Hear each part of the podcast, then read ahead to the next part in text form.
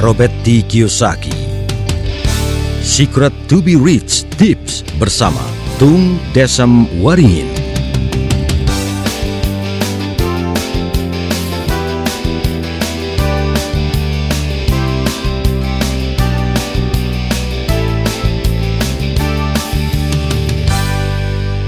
Tips ke-29 Menciptakan profit Dikatakan oleh Robert T. Kiyosaki Profit dibuat ketika Anda membeli, bukan ketika Anda menjual. Ketika tetangga Robert Kiyosaki membeli sebuah kondominium dengan harga 100 ribu dolar, Robert Kiyosaki membeli kondominium yang sama yang berhadapan dengan milik tetangganya tadi dengan harga 50 ribu dolar. Tetangga Robert Kiyosaki memberitahu bahwa nanti harganya akan naik.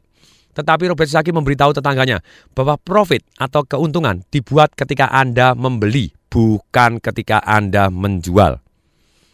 Tetangganya belajar real estate dari seorang dokter yang sama sekali tidak mempunyai properti sendiri. Robert Kiyosaki berbelanja di departemen penyitaan sebuah bank.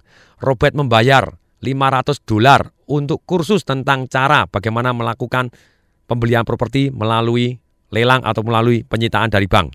Tetapi tetangganya beranggapan bahwa investasi 500 dolar untuk sebuah kursus itu adalah sangat mahal. Dan tetangganya tersebut mengatakan bahwa dia tidak sanggup membayar kursus senilai 5 juta rupiah tadi.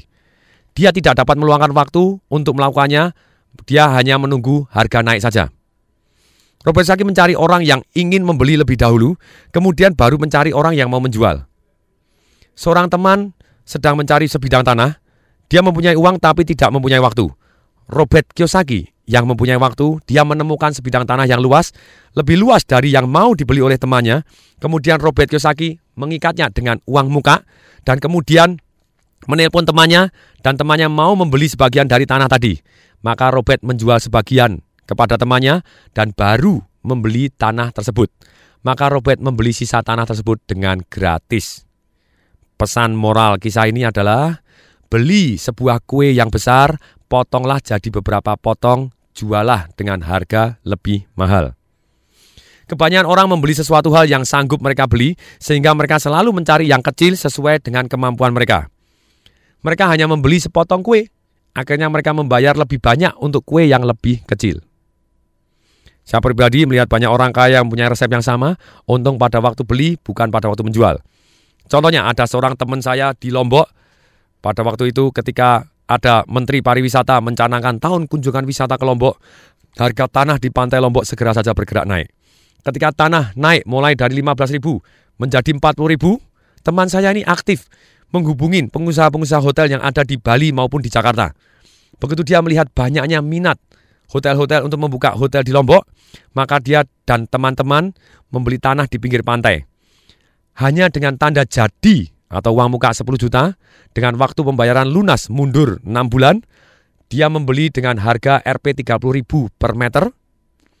Akhirnya ada pengusaha hotel yang mau membeli dengan sebagian dari tanah tadi dengan harga 100 ribu per meter. Teman saya bisa membeli properti dengan resiko hanya Rp 10 juta dan dia mendapatkan untung ratusan juta bahkan miliaran. Dan sisa tanahnya dia jual perlahan-lahan ketika tanahnya naik menjadi 200 ribu per meter. Sekarang teman saya bersangkutan mempunyai mall, mempunyai supermarket banyak sekali. Dan para pemikir yang kerdil tidak akan mendapatkan keuntungan yang besar. Jika Anda ingin lebih kaya, berpikirlah lebih besar terlebih dahulu.